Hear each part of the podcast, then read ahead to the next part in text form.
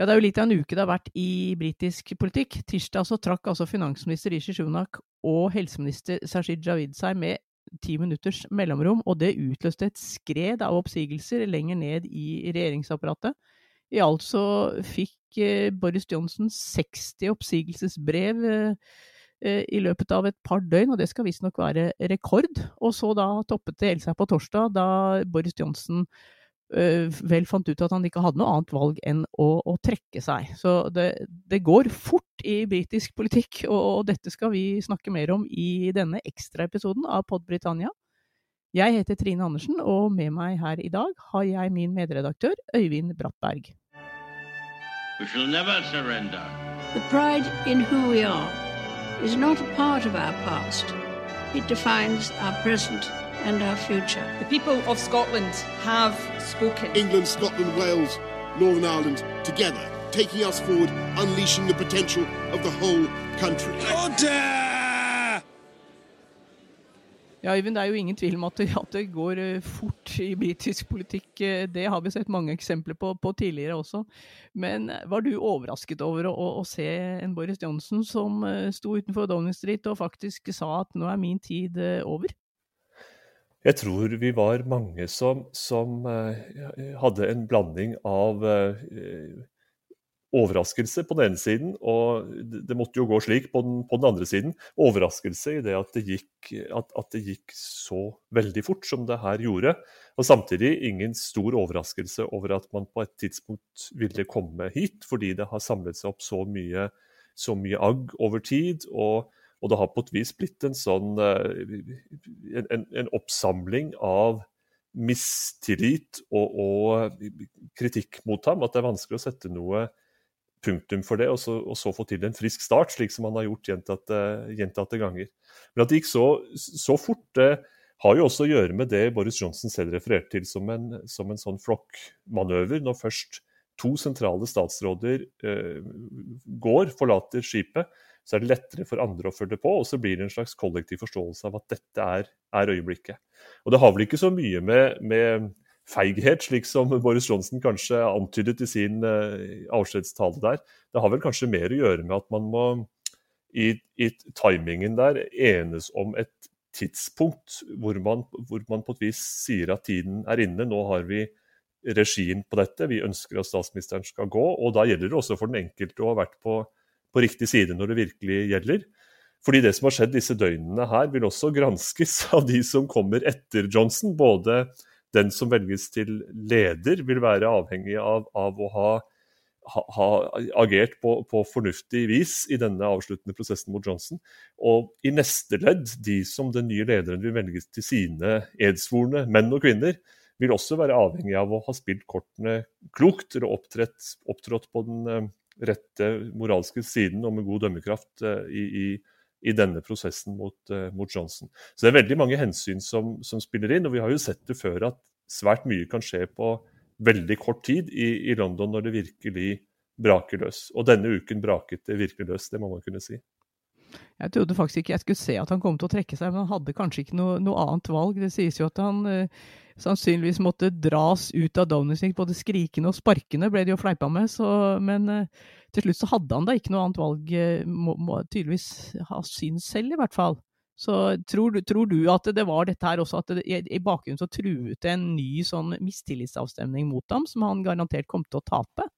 Det var jo spekulasjoner her også om at han ville bruke de eh, maktmidler han hadde til, til, rådighet, inkludert trusselen om et eh, nyvalg. Nå er jo det eh, en del av, av eh, statsministerens eh, maktgrunnlag, det å kunne skrive ut, skrive ut valg, og at, at, han ville kunne true sine egne med, med, det. Dersom dere vil kaste meg, så kommer jeg i stedet til å skrive ut valg, eller forsøke lignende Eller gripe til andre mulige verktøy for å stoppe mytteriet i, i, eget parti.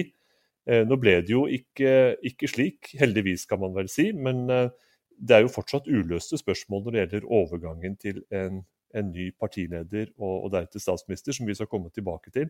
Og Veldig mye av dette er jo avhengig av at eh, man finner ut av ting. Det er såpass lite som er regelfestet og og konstitusjonelt fundert, holdt jeg på å si, at, at de sentrale aktørene må, må, snakke sammen og finne høvelige løsninger.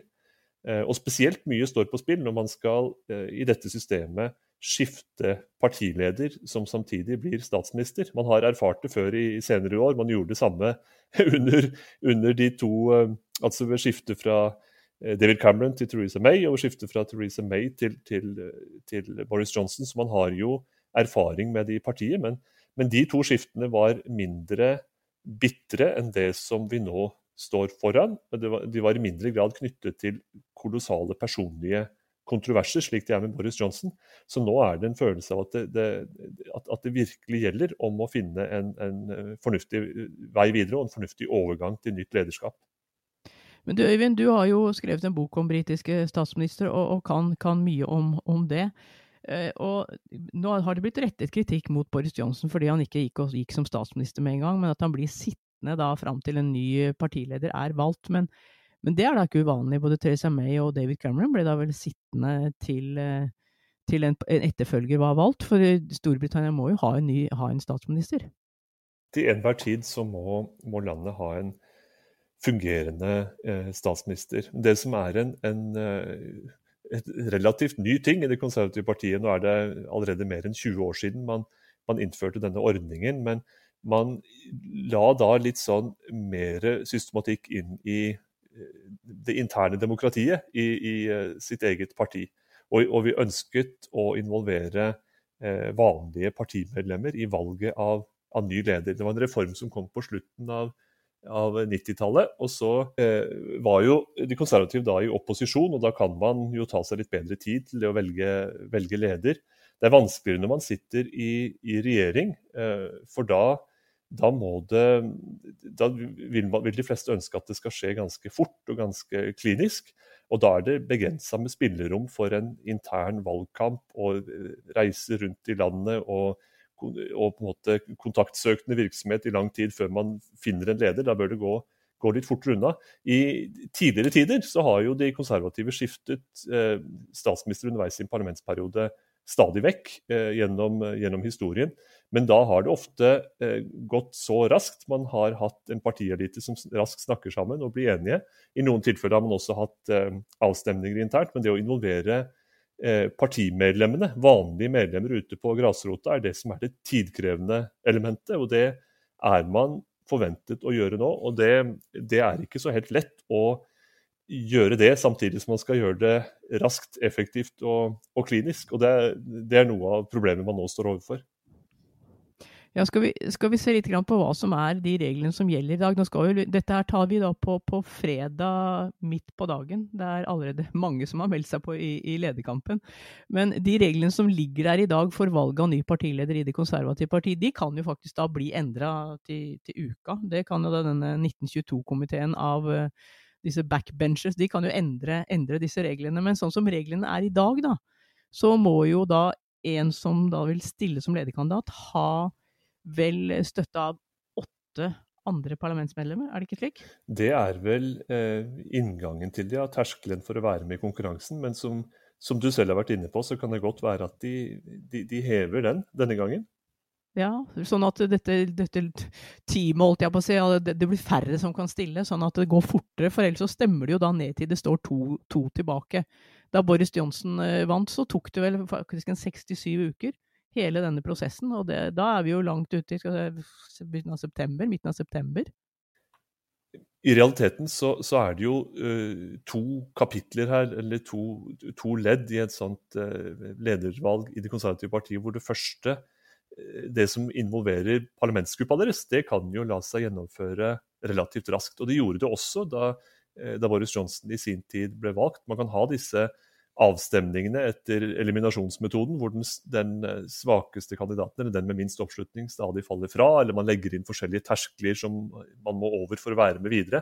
Og til slutt så står man tilbake med to. Og Den type avstemninger kan man godt gjennomføre i løpet av en, eh, en uke. Og det kan godt tenkes at de legger en tidsplan hvor, hvor man skal klare det i løpet av de nærmeste ukene nå i, i juli. Ja, før, før, parlamentet tar sommerferie, da 22. juli, er det vel? Det er jo et ambisiøst mål, men det er nok mange som vil ønske seg at man, man gjør det slik. Eh, og så er spørsmålet hva skjer etterpå, dersom de to skal ut til, til uravstemning, så vil man jo forvente en, altså, paneldebatter og valgkamp internt i partiet, rundreiser og god tid til at alle skal få både hørt kandidaten og bestemt seg for hvem de stemmer på. Eh, og Da er det i så fall et, et godt antall uker som må legges, eh, kanskje en måneds tid, kanskje enda mer, utenpå det første kapitlet som parlamentsgruppa har, har, stått for. Men så er det jo spørsmål om det blir et slikt annet kapittel. og det, Noen vil vel huske hvordan det gikk da Theresa May skulle ta over. Eh, straks etter brexit-avstemningen så gikk det jo betydelig fortere da hun kom inn for, for, David Cameron. Ja, det gjorde det jo fordi at det sto da to tilbake, som du sier. Det var jo Theresa May og Andrea Ledson. Og Andrea Ledson hadde jo et intervju, jeg tror det var det med Times, hvis jeg ikke husker, eller var det Telegraph? Hvor hun gikk hardt ut mot uh, Theresa May fordi hun ikke var mor. og det, rett og slett, det ble en sånn skandale at hun måtte trekke seg, og da sto bare Theresa May tilbake. Og da gikk det, jo, gikk det jo veldig fort. Og nå er det vel de som spekulerer i at kanskje hvis det står to kandidater tilbake nå, og den ene er tydelig mye sterkere enn den andre, at de to kanskje kan inngå en eller annen slags deal, og at uh, det også kan skje noe sånt denne gangen. At det bare blir stående en kandidat igjen. Det kan jo være at den ene sier ok, blir du statsminister, så kan jeg bli utenriksminister. Altså et eller annet sånt. Kan tenke seg noe sånt òg det er, det er, er absolutt en, en, en, tenkelig mulighet. og i, det, de, i de konservatives lange partihistorie så er det en, en, veldig tilbøyelighet til å gjøre det som gjøres må i, i, i kampens hete eller i møte med nye utfordringer. Og i denne situasjonen så ville det vært en veldig hendig, hendig løsning. Man kan si at ved ethvert skifte så, så, trenger man jo å få en ny leder på plass. Bør man få en ny leder på plass ganske raskt osv. Men nå er, det, nå er det behovet kanskje særlig presserende. Både fordi eh, Boris Johnson er en veldig kontroversiell figur, som mange frykter, mange er bekymret for hva han vil gjøre med, med, med den makt han formelt fortsatt besitter i, i tida fram til skiftet. Og så er det samtidig også en så krevende tid ehm, både internasjonalt og hjemlig politikk. At man kan ikke la regjeringen gå på tomgang heller. Selv om Boris Johnson sitter på oppsigelse, så må jo arbeid gjøres i møte med den økonomiske krisen, også i møte med en svært krevende internasjonal situasjon. Så da kan man jo tenke at, at et, et, skifte bør gjøres raskt, og at den nye som skal komme inn, må, må få, få, satt føttene på dekk og få kommet i gang med, med arbeidet så, så, fort, så, fort, som mulig. Ja, for Det er jo viktig å understreke her, eh, Øyvind, at eh, partilederen velges altså ikke på landsmøtet slik vi er vant til i Norge. Det er en helt annen prosess. Det som har vært antydet, er jo at, at uh, sluttresultatet, altså den som faktisk er valgt som leder, vil offentliggjøres på landsmøtet. Ja, blir på en måte krona på landsmøtet, da, for å si det på den måten. Det har vi sett i, i, i Labour også har vært en, en, en, si, en, modell de har brukt når de har vært i, i opposisjon. F.eks. I, i eh, ledervalget etter da Gordon Brown gikk av sommeren 2010. Så, så, ble det ført valgkamp gjennom sommeren internt i partiet, og så ble den nye lederen nettopp kronet på landsmøtets første dag. Men, da må de altså vente helt til 3. oktober, for det er først da Torjen har landsmøte i Birmingham? Og det er jo De fleste vil vel mene at det er altfor alt for langt fram dit til at det det er noen, eh, at det er noen farbar vei. Men jeg vet ikke hva, hva har, om det er noe som har slått deg med det, det diskusjonen foreløpig om aktuelle, aktuelle kandidater. Hva skal, man, hva skal, man, si om det, ut fra de spekulasjonene som har vært i lengre tid? Ja, det, ja, det, er så mange, det er mange, men det er jo liksom Det er jo akkurat det vi har sett de siste månedene. at de, altså Vi har jo hele tiden sagt at Boris kom, hadde kanskje gått litt før hvis de, hadde, hvis de hadde klart å samle seg om én kandidat. og Det er vel det vi ser nå. Det er jo veldig mange som melder seg på i racet her. Og den som faktisk leder hos bookmakerne, og også hos uh, velgerne, det er uh, de konservative velgerne, det er altså fors forsvarsministeren, som vel de færreste i Norge har hørt om, som heter Ben Wallace. Det kan kanskje ha noe med Ukraina-krigen å gjøre ikke vet jeg, så har du jo ganske mange kandidater da, som, har, som er i ferd med å, å, posisjonere seg. Så at Liz Trust dro hjem fra et eh, møte i, i, Østen nå for å komme hjem, altså utenriksministeren, for å, å starte sin valgkamp. Så det er, det er, det er mange her som, som, som, gjerne vil bli, uh, utrolig nok, vil bli både partileder og statsminister. Og det, det, følger vel av den veldig alvorlige internasjonale situasjonen og krigen i Ukraina at man kan løfte fram en, en kandidat som, som, Wallace, at hans eh, popularitet har vokst så enormt. Han er en, en, eh, han er en godt voksen politiker med, med militær aktiv militær erfaring og også en, veldig synlig rolle som forsvarsminister. Men han har altså ikke mye allmennpolitisk erfaring.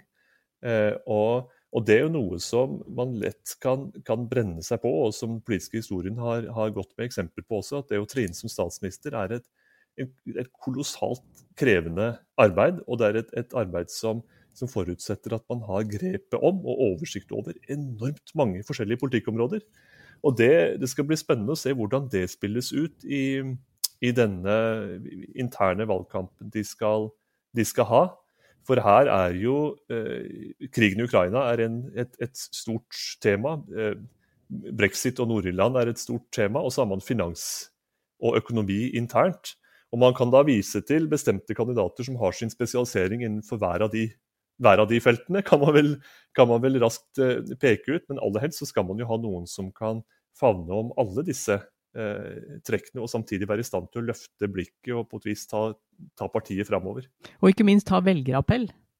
Det, altså skal de vinne et valg, så må du ha en statsminister som har velgerappell. Nå er det riktignok ikke noe presidentvalg i, i, i Storbritannia, eller, men vi vet jo at det betyr veldig mye hvem det er som er partileder. Ja, har vi noen formening om, om eh, velgerappell blant noen av de sentrale, sentrale kandidatene? Jeg har ikke det, det må jeg bare si. Det Men det altså, hvis vi ser på, på, sånne undersøkelser som er gjort i grasrota for et konservativt parti, så kommer jo Liz Truss faktisk ganske høyt opp. Hun er ikke akkurat min favoritt, men uh, hun har tydeligvis appell i grasrota hos de konservative, så vi får se. En, en mulig fare ved, ved, hennes kandidatur som utenriksminister Altså hun er utenriksminister, men også veldig, hun har en veldig tydelig markedsliberal eh, linje, som nok slår an hos en del eh, nettopp på partiets grasrot, som, som har Margaret Thatcher som, som gammel ledestjerne den, og den epoken. Det kan være vanskeligere å treffe en bred og ha bred appell i, i, landet for øvrig. Så det kan jo være en litt sånn tilbake til røttene, om ikke røttene, så tilbake til en bestemt fløy av partiet. Veldig tydelig linje med, med, med, skattekutt og markeds, eh, markedskrefter som stikkord. Men være, da sier man jo ja til noen velgere, og så sier man sannsynligvis nei til noen andre. Og, og det er jo noe av det som er komplisert, at de eh, velgerne som Det konservative partiet fikk med seg på lasset fra, fra 2019-valget, som var et kjempevalg, det er jo en veldig blandet, blandet gruppe. Eh, og under Boris Johnson så har vel regjeringa stått litt i Dels har den stått litt i spagat mellom ulike perspektiver og mål, og dels har den virret litt rundt også, uten helt klart å identifisere hvilken, hva som er hovedprosjektet, eller hvilken, hva som skal prioriteres opp, og hva som skal prioriteres bort. Eh, og Det blir jo noe av det grunnarbeidet som vel må gjøres i en veldig økonomisk presset situasjon, og hvor, hvor det gjelder om å vise at man kan levere varene. Eh, spørsmålet er da hvilke varer skal egentlig en konservativ regjering levere i i, eh, i, det landskapet man nå beveger seg i. Ja, hvordan ser du for deg det? Hva, hva hadde vært den ideelle konservative leder, lederen nå? Har du noen navn, du, som du ser? Nei, gudene vet. Altså, du, det er jo Mange vil nok mene at, at det bør være en, en med, med, bred ministererfaring, altså statsrådserfaring. Jeremy Hunt og, og Zaid Javid er også blant de kandidatene som står litt utenfor Boris Johnsons krets, spesielt med, med, med Hunt, som var hovedrivalen den, den, gangen Boris Johnson selv ble valgt som, som leder, og som har vært backbencher og, og, og, og ledet helsekomiteen i denne perioden. Han er, en, han er en sterk kandidat, men med litt sånn vag, forsøksvis samlende profil. Men om han er varm nok, holdt jeg på å si, om han er nær, nær nok de eh, maktens korridorer som, som, han må være kanskje for å nå fram i kampen nå, det er ikke godt å, er ikke godt å si. Han er veldig nært knytta til Theresa May òg, som satt som helseminister og utenriksminister i, etter det i hennes regjering. Ja, noen vil nok oppleve dette som en, en sånn revansjsituasjon også etter, etter Boris Johnson-årene. Noe som igjen får, får eh, aggresjonen opp hos de som faktisk har støttet Johnson. Så det, det, ligger en del sånne både fløykamper og internt personlig eh, håndgemeng, nærmest. Ikke håndgemeng, så i hvert fall personlig fiendskap involvert i den, den debatten man, man, skal inn i. Men det er, jo, det er jo også Mange vil jo mene at man bør bruke en lederkamp til å virkelig diskutere grunnleggende spørsmål, ideologi, veivalg og sånn. og det, det, er jo et argument for å ta seg litt tid, og ikke bare blåse gjennom på noen uker. Så her er det hensyn som trekker i, i, i motsatte retninger. Noen vil at dette skal gå raskt, mens andre sier at egentlig så burde man tatt en skikkelig god tenkepause omkring hva dette partiet skal være, hva, hva, hva som skal være regjeringens grunnholdning i, i, vår tid og, og, det hele. Men, men, eh, men den luksusen vil man nok neppe unne seg i praksis. We shall never surrender. The pride in who we are is not a part of our past. It defines our present and our future. The people of Scotland have spoken. England, Scotland, Wales, Northern Ireland, together, taking us forward, unleashing the potential of the whole country. Order!